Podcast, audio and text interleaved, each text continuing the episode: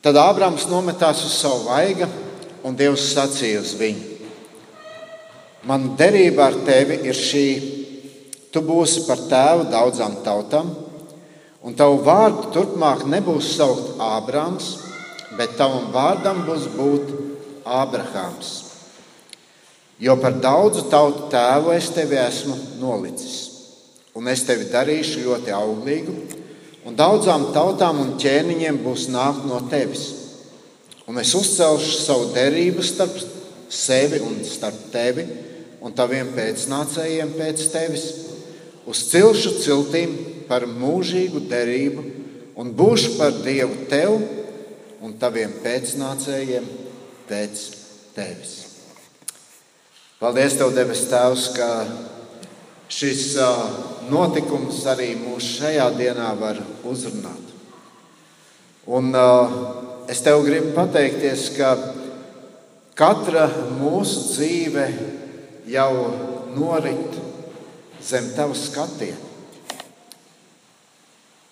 Un Tu radīdams cilvēku ļoti skaidri pateici, ka tu esi ieinteresēts mūsu dzīvēm. Dievs, un uh, lai arī šīs mūsu pārdomas mums katram ļauj ieraudzīt tavu mērķi priekš mums. Un lai tad, kad mēs uh, dzīvē kaut ko meklējam, kad varbūt uh, meklējam arī kādas atbildes, mēs spētu ieklausīties arī tajā atbildē ko dod mums tavs vārds arī šajā dienā.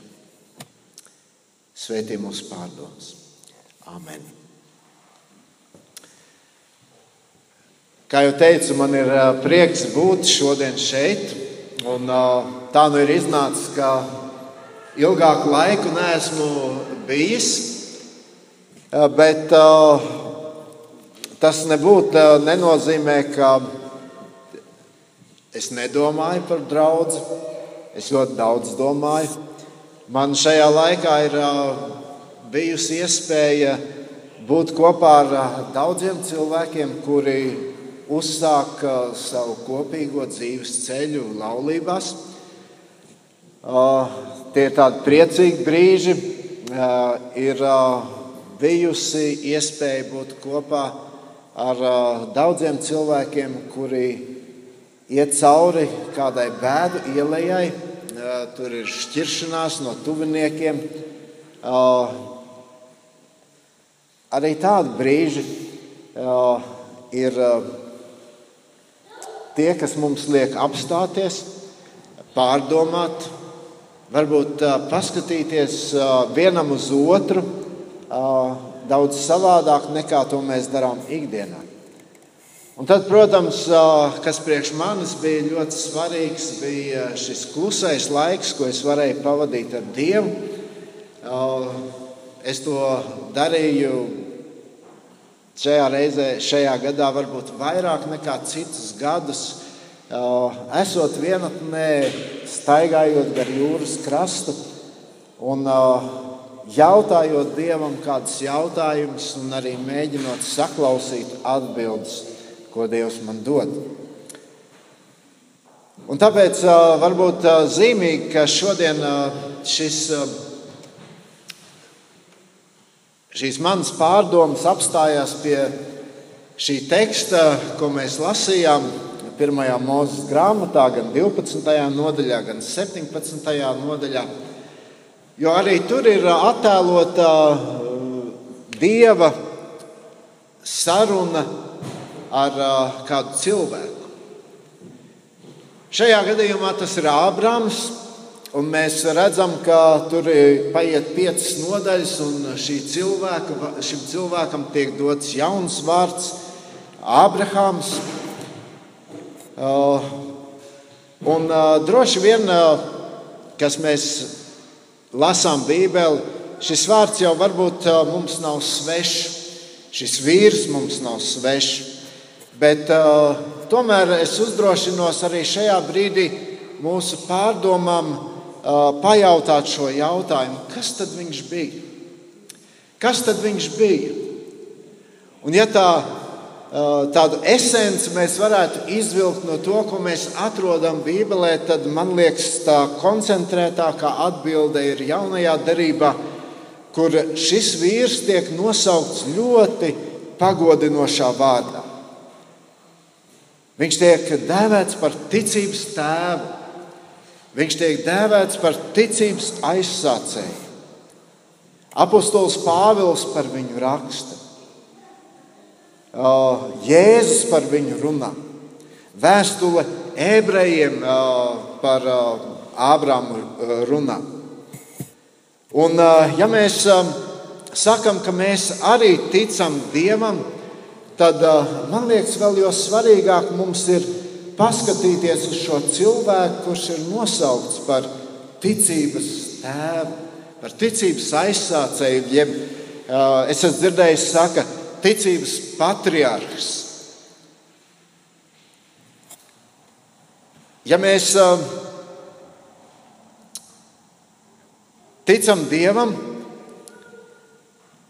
tad, kad mēs lasām svētos rakstus, tad mēs varam teikt, arī mūsu dzīves ir ļoti līdzīgas ar daudzu cilvēku dzīvēm, kas ir pieminētas Bībelē.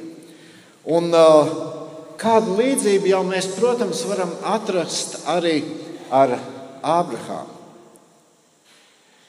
Patiesībā jau tas jautājums par patiesu ticību Dievam, uh, tas izšķiras un tiek pareizi saprast tikai tad, ja mēs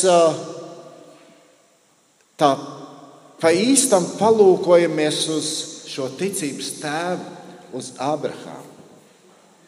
Un skatoties uz viņu, tad mēs varam pajautāt, kas tad ir šī īstā, patiesā ticība Dievam. Un tas noteikti ir ļoti svarīgs jautājums arī mums šodien. Un, kad mēs šo jautājumu jautājam, un kad mēs meklējam atbildes, tad uh, vislabāk to ir darīt, ja mēs pārbaudām paši sevi. Kā tad ir ar manu ticību? Es pat teiktu, šī ticības pārbaude ir ļoti, ļoti nepieciešama. Jo bieži vien uh, mums pašiem pat nemanot uh, dzīvē, ienāk un nostiprinās uh, dažādas lietas. Un tad, nu, kad mēs pārbaudām, kāda ir mana ticība, tad bieži vien mums nākas daudz ko atsijāt. Varbūt nākas nodalīt no ticības dievam to, kas nebūtu nav ticība. Jeb kā apustulis Pāvils saka vēstulē Tesaloniķiešiem, viņš saka, pārbaudiet visu Pārbaudiet visu. Tas zīmējas arī uz mūsu ticību. Kas labs, to paturiet, atraujieties no visa, kas ļauns. Mēs lasījām šajā 17. nodaļā, ka Ābrams bija 99 gadus vecs, kad uh, Dievs ar viņu runā. Un, uh, runā par savu derību, par savu apsolījumu.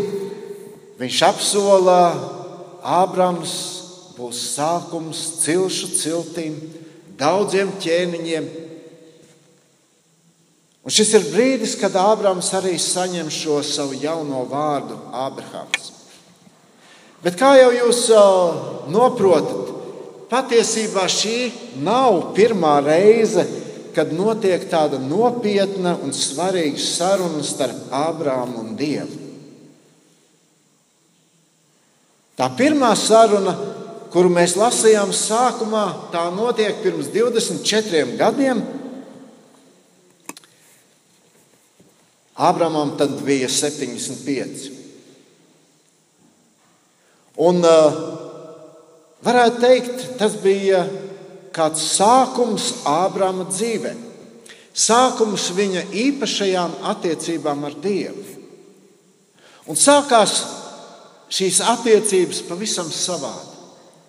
Dievs saka Ābramam, izēj no savas zemes, no savas cilts un no sava tēva nama uz zemi, kuru es tev rādīšu.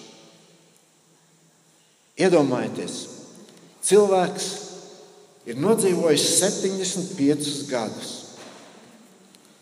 Un nu ir šis brīdis. Bet ja mēs mēģinātu atrast kaut ko par Ābrāma šiem 75 gadiem, tur ir pilnīgs klusums. Tur nav neviena vārda, izņemot to, ka viņa tēva vārds ir Tera, un viņam vēl ir divi brāļi. Varētu teikt, acīm redzot, nekas ievērojams Ābrama dzīvē līdz tam nenotiek. Vismaz Eh, tik ievērojams, lai viņš tiktu pieminēts svētajos rakstos. Bet pie, pieminēšanas vērtais sākas ar to brīdi, kad Dievs Ābramu aicina. Aicina atstāt savu dzimteni, atstāt savu tēvu, tēvu zemi, atstāt vietas, kuras noteikti viņa piesaistīja visus šos 75 gadus. Un, ziniet, kad es lasīju šo notikumu, tad pirmais, kas mani pārsteidza šajā reizē, bija tas,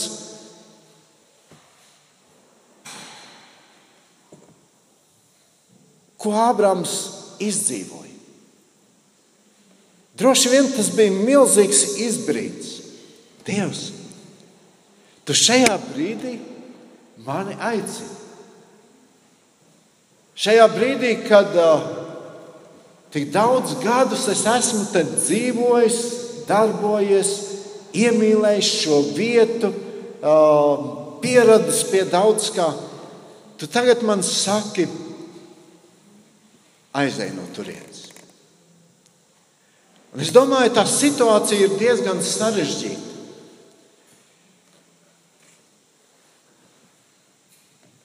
Šo lēmumu pieņemt, paklausīt, Ābramam nemaz nebija tik viegli.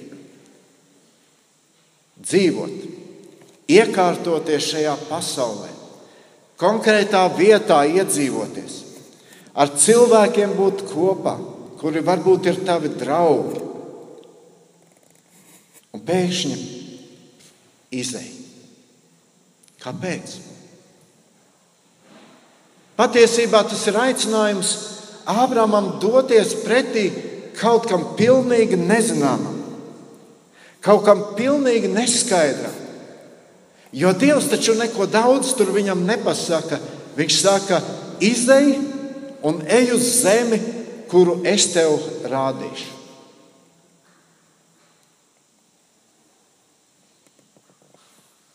Mēs varētu teikt, nu, gribētos kaut ko vairāk. Gribētos kaut kādu skaidrību. Pārāk maz tu Dievs man šeit pasaki. Kā tur būs? Vai tā zeme ir tā vērta, lai es to mainītu pret šo, kur es jau esmu iedzīvojos? iedzīvojos? Jā, Diez kā būtu ar mums? Diez kā būtu ar mums, ja mēs tādā situācijā tiktu iemesti. Bet tas tālākais Ābrama dzīves stāsts mums palēnām, mums palēnām parāda kaut ko ļoti lielu. Tas mums parāda Dieva mērķi, Un tas mums parāda, ka šis Dieva mērķis atklājās kā daudz augstāks nekā vienkārši kādu materiālu labumu sniegšanā. Šajā Dieva mērķī ir kaut kas daudz vairāk. Tur nav tikai vienas dzīves vietas saistāšana ar otru. Tur nav kādu ērtību uzlabošana. Un kā mums parāda Ābrama ticības ceļš, tad patiesais Dieva mērķis ir nevis cilvēka dzīvē radīt kādas redzamas pārmaiņas. Protams, arī tas var notikt. Bet tas galvenais Dieva mērķis ir mainīt cilvēku pašu. Nevis kaut kā radikāli līdz nepazīšanai izmainīt dzīvi ap cilvēku, bet gan pašas lielākās un būtiskākās izmaiņas ienest pašā cilvēkā. Un tas, ko es teicu, ļoti spilgti atklājās arī šajā notikumā, par kuru mēs lasījām. Tajā brīdī, kad Ābrams saņem šo jauno vārdu. 24 gadus visi viņu ir pazinuši kā Ābramu. Bet šie 24 gadi Tie bija kād, arī kāds, tas bija arī kāds īpašs laiks kopā ar Dievu šim vīram. Tas bija kāds noiets ceļa etaps, kura galā viņš no Dieva saņem šo jauno vārdu Ābrahāms. Man liekas, ka šis stāsts mums kaut ko īpašu parāda.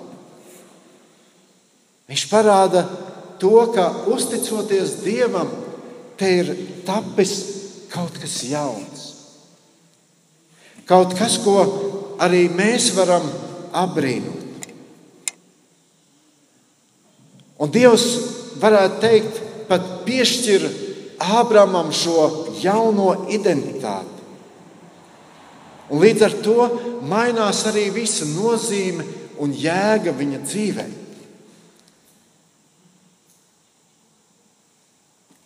dzīvot dzīvi, kādu aicina to darīt Dievs. Un Ābrāma dzīve parāda, ka tas nebūtu nenozīmē uzreiz kādas lielas pārmaiņas ap viņu, bet tas nozīmē kādas milzīgas pārmaiņas pašā cilvēkā. Sekot Dievam, tas nozīmē nevis mainīt pasauli sev apkārt, Bet pirmkārt, tas nozīmē gatavību mainīties pašam cilvēkam.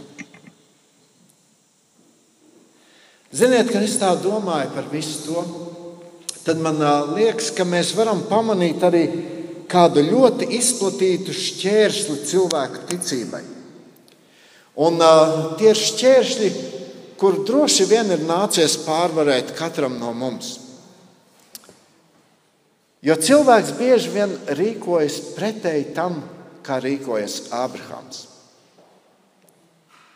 Ko mēs meklējam pie Dieva? Es diezgan daudz sarunājos ar cilvēkiem.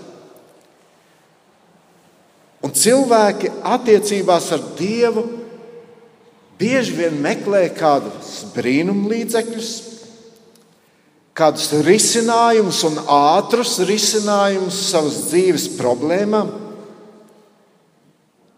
Bet cilvēki nevienmēr ir gatavi kaut ko iesākt paši ar sevi. Un tad lūk, tāda ticības izjūtu, izjūta paredz tieši to, ka kā vieglāk un vienkāršāk izmainīt dzīvi, varbūt izmainīt cilvēkus sev apkārt, kā likt pas, visam pasaulē darboties manās interesēs. Un bieži vien cilvēks spriež, nu, tāpēc ir vērts ticēt Dievam.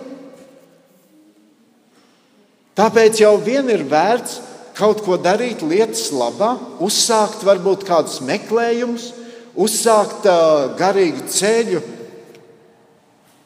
Lai tikai viss mainās, lai tikai kaut kas mainās ap mani. Bet Ābrāma dzīve mums parāda, ka ir jāmainās pašā cilvēkā.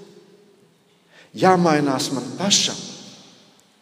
Un attiecības ar Dievu man ir svarīgas tikai tādā gadījumā, ja tās var balstīt uz pamatu, kur Dievs ir kaut kas īpašs manā dzīvē. Kur Dievs nav tikai tāds izpalīgs, kurš visās lietās mums paklausa, kurš ir gatavs uz visu, lai es, kurš taču ir pats galvenais, justos labi un ērti.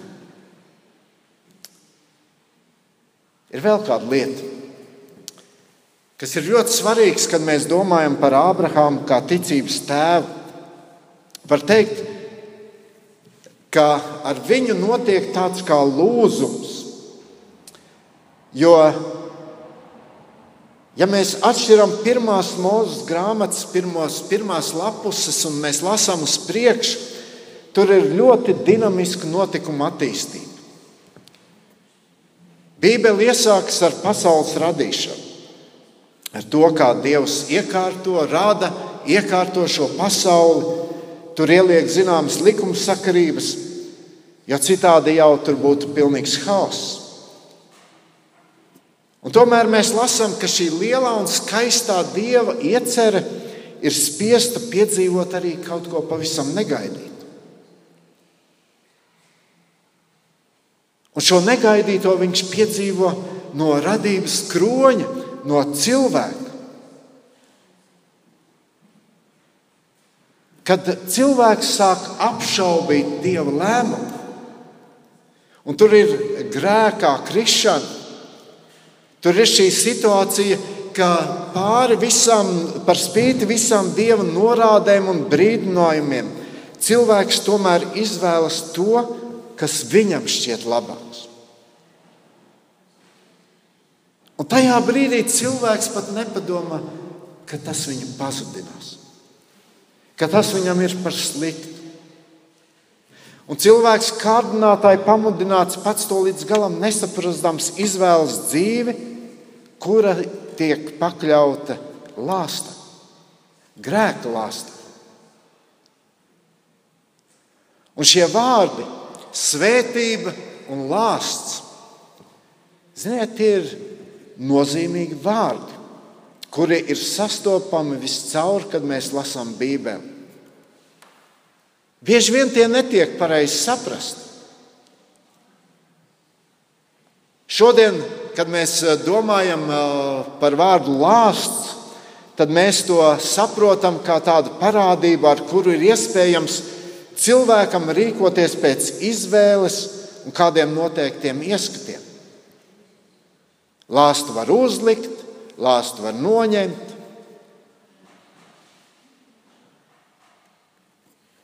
Pavisam nesen es neesmu redzējis tajās lielajās avīzēs, bet tādās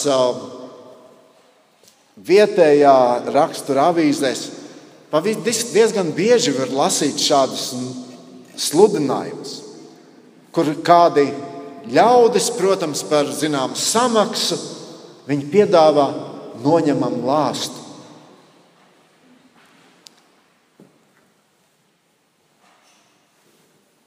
Cilvēki baidās.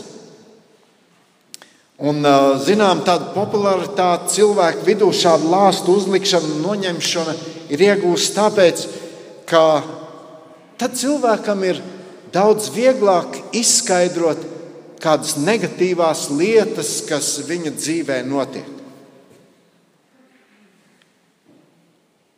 Cilvēks saka, nu, tur tas cilvēks man uzlika lāstu, vai man tagad jāiet ir noņemt. Tā pašā laikā cilvēks pilnīgi izvairās no kaut kādas personīgās atbildības.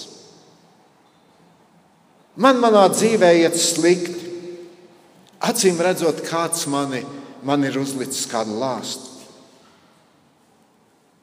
Tā ļoti daudz cilvēku šodien runā. Es sastopos ar ļoti daudziem cilvēkiem, kuri tā saka. Un reti kurš saka, es pats esmu pie kaut kā vainīgs. Pats esmu vainīgs. Dieva vārda patiesība mums atklāja to, ka nekas tam līdzīgs jau cilvēka dzīvē nenotiek.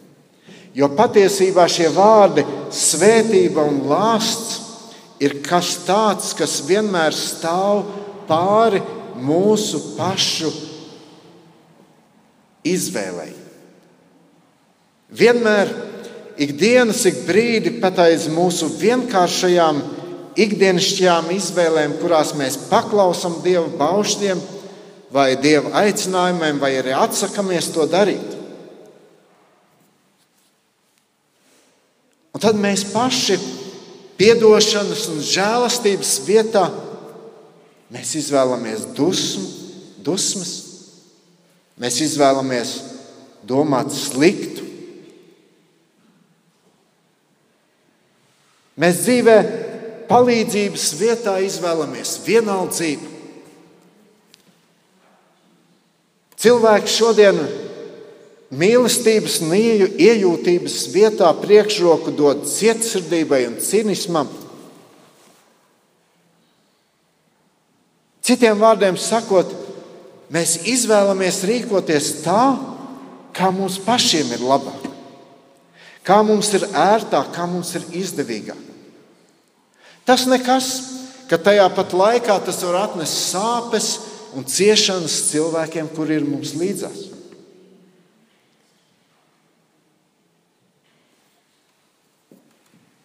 Atcerieties, Mūzu. Viņš bija viens no Izraēla tautas vadītājiem. Kad viņš eh, veda tautu ārā no Eģiptes, un eh, kad viņam bija pienācis laiks atvadīties, jo viņš pats jau neaizgāja uz to zemi, viņš no tālienes to redzēja. Un tad viņa, viņa vārdi uh, varētu teikt, tādi testamenta vārdi, ko viņš saka Izraēla tautai. Viņš saka, redziet, es šodien jūsu priekšā nolieku izvēlei svētību un lāstu. Svētību, ja jūs klausīsiet tā kunga savu dievu baušļiem, ko es jums šodien pavēlu, un lāstu, ja jūs neklausīsiet tā kunga sava dieva baušļiem. Tik ļoti skaidri. Un man liekas, tieši šeit mēs arī saredzam šodienas pasaules to lielāko nelaimi un postu. Šodienas pasaule ir sacēlusies pret savu radītāju. Šodienas pasaule ir izvēlējusies rīkoties pa savam. Šodienas radība Dievā neredz savu radītāju, neredz mīlošu tēvu. Bet tas, ko mēs ieraugām Dievā, ko cilvēks šodien ierauga, ierauga Dievā, tas ir mans sāncens, tas ir mans konkurents. Viņš visādā veidā grib mani ierobežot. Kaut ko labu vienmēr man atņemt. To mēs visi varam atrast Bībeli lasot. Jo viss Bībeles sākums ir veltīts tam, lai mēs redzētu, kādas ir šīs izvēles sekas. Un katra nākamā nodaļa mums pavēst to, kā pasaulē aizvien straujāk un straujāk pieaug ļaunums un posts. Un mēs lasām, un lasot uz priekšu, jau kādā brīdī var šķist, nu nekas jau vairs daudz nebūs palicis pāri no tās lieliskās dieva ieceres. Pavisam īsi pirms Ābrams, Ābrahāma aicināšanas iziet no savas tēva zemes, Mēs tur lasām šo notikumu par Bābeles torņa celtniecību. Tiek celts tornis, bet cilvēku ieceres tai virsotnē ir jātie, jāsniedz debesīs. Un tas, šis tornis būtībā mums parāda, cik aplams ir cilvēka ticība, cik aplama var būt cilvēka ticība. Tas mums atklāja to, cik liels posts, kurā cilvēks sevi bija iegrūdusi, atsakoties paklausīt Dievam. Un lai arī kā viņi mēģina atgūt šīs pazaudētās attiecības ar Dievu, tajā brīdī tas neizdodas. Un tad, kad viss ir pazaudēts, kad liekas, pasaule ir tādā dziļā tumsā, tur Dievs uzruna un uzrunā un aicina Ābrāmu. Viņš saka, atstāj visu.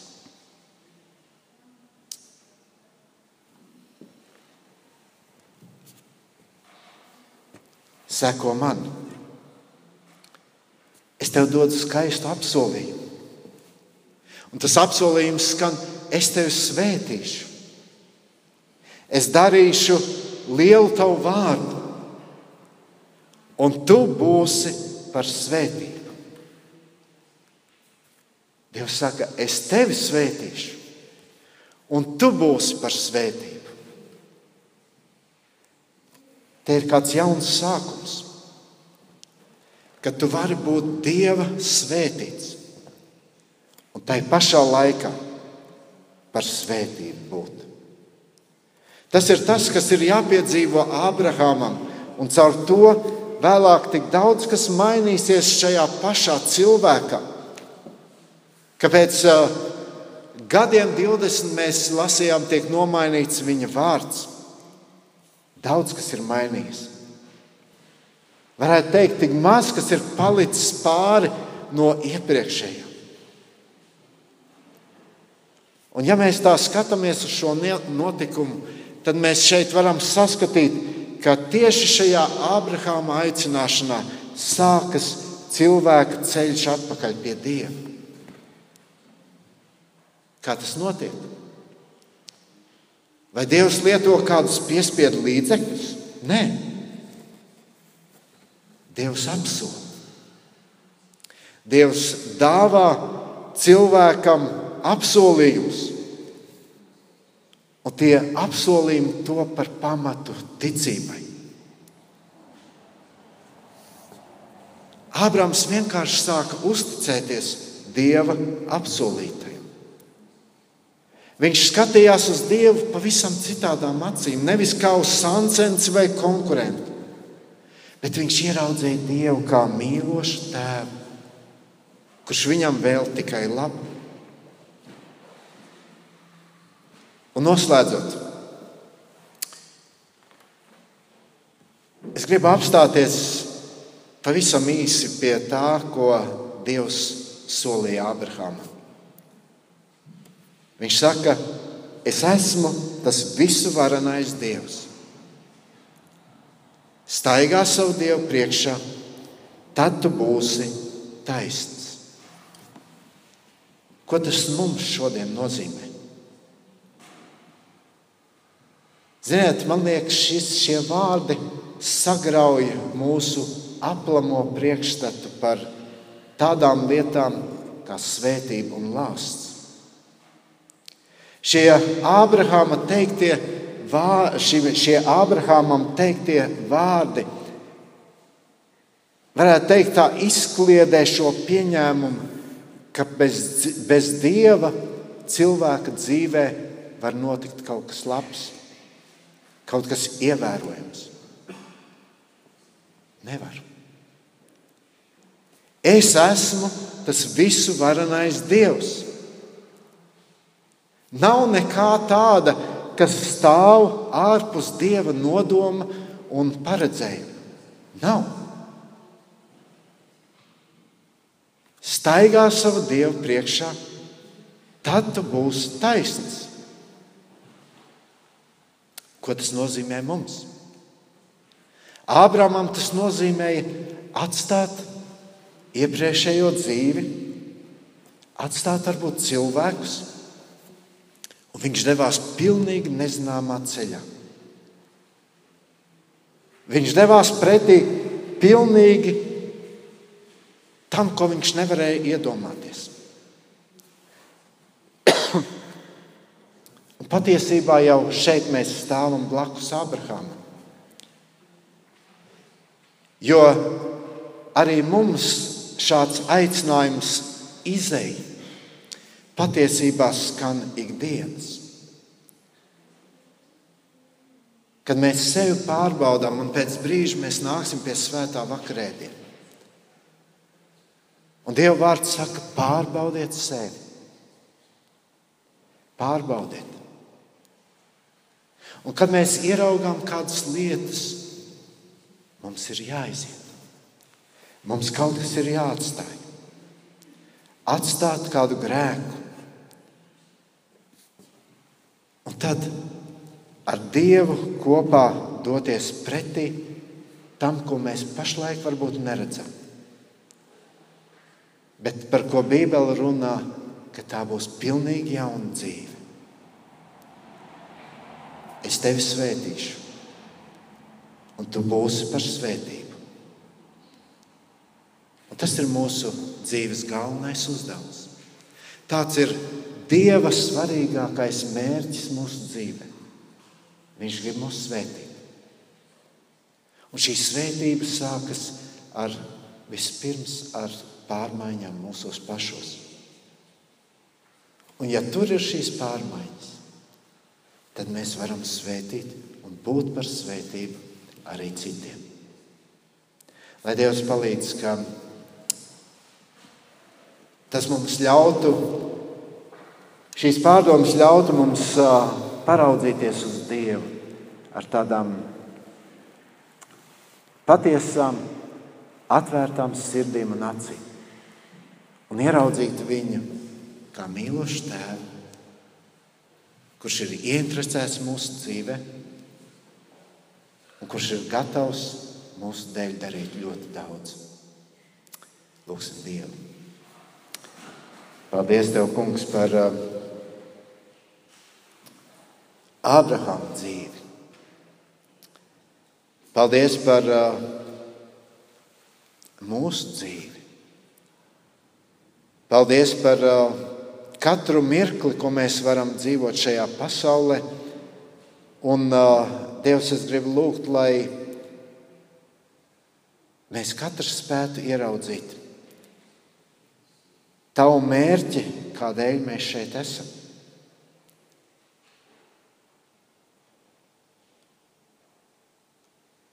Jā, Dievs, mēs jau paši neesam spējīgi kādas lietas izmainīt. Bet paldies, ka caur Jēzu Kristu tu maini mūsu dzīves. Tu ļauj mums ieraudzīt varbūt lietas, kuras mums bija tik mīļas un pašas par sevi saprotamas. Bet kuras varbūt ir eh, kā tāds neīsts, neīstas lietas, par ko mēs domājam, ka tā ir mūsu ticība. Es gribu lūgt, lai tu palīdzi mums no tām kļūt brīviem. Lai mūsu ticība varētu būt tāda patiesa, skaidra, tīra, kur mēs uzticamies Tev, kur mēs esam gatavi paklausīt. Pasargi mūs no varbūt kādas, kādām viltus mācībām. Bet lai Tavs vārds ir tas, kas ir mūsu ticības pamatā. Es to ļoti lūdzu par sevi. Es lūdzu par uh, bilants draugu. Es lūdzu par taviem ļaudīm šeit, Latvijā, visā pasaulē. Paldies par tavu vārdu šajā dienā. Amen.